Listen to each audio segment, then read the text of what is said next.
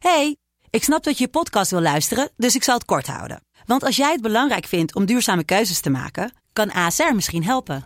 Nou hoor ik je denken, hoe dan? Nou, bijvoorbeeld bij het duurzaam herstellen van schade. Of de premies die we beleggen volgens ons duurzaam beleggingsbeleid. Dat bepaalt waar we wel en juist niet in investeren.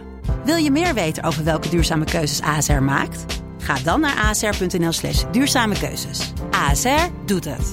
Zo, dan kan je nu lekker naar je podcast luisteren. Hey, ik snap dat je je podcast wil luisteren, dus ik zal het kort houden. Want als jij het belangrijk vindt om duurzame keuzes te maken, kan ASR misschien helpen. Nou hoor ik je denken, hoe dan?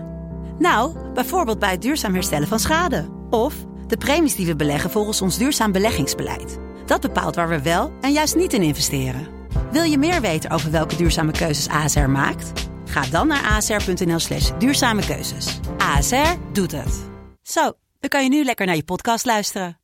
Oppan Gangnam Dit is de kortste podcast van Nederland. Mand. Vandaag gaan we het hebben over Rokjesdag. Ryan, Ja. heb je er wat mee?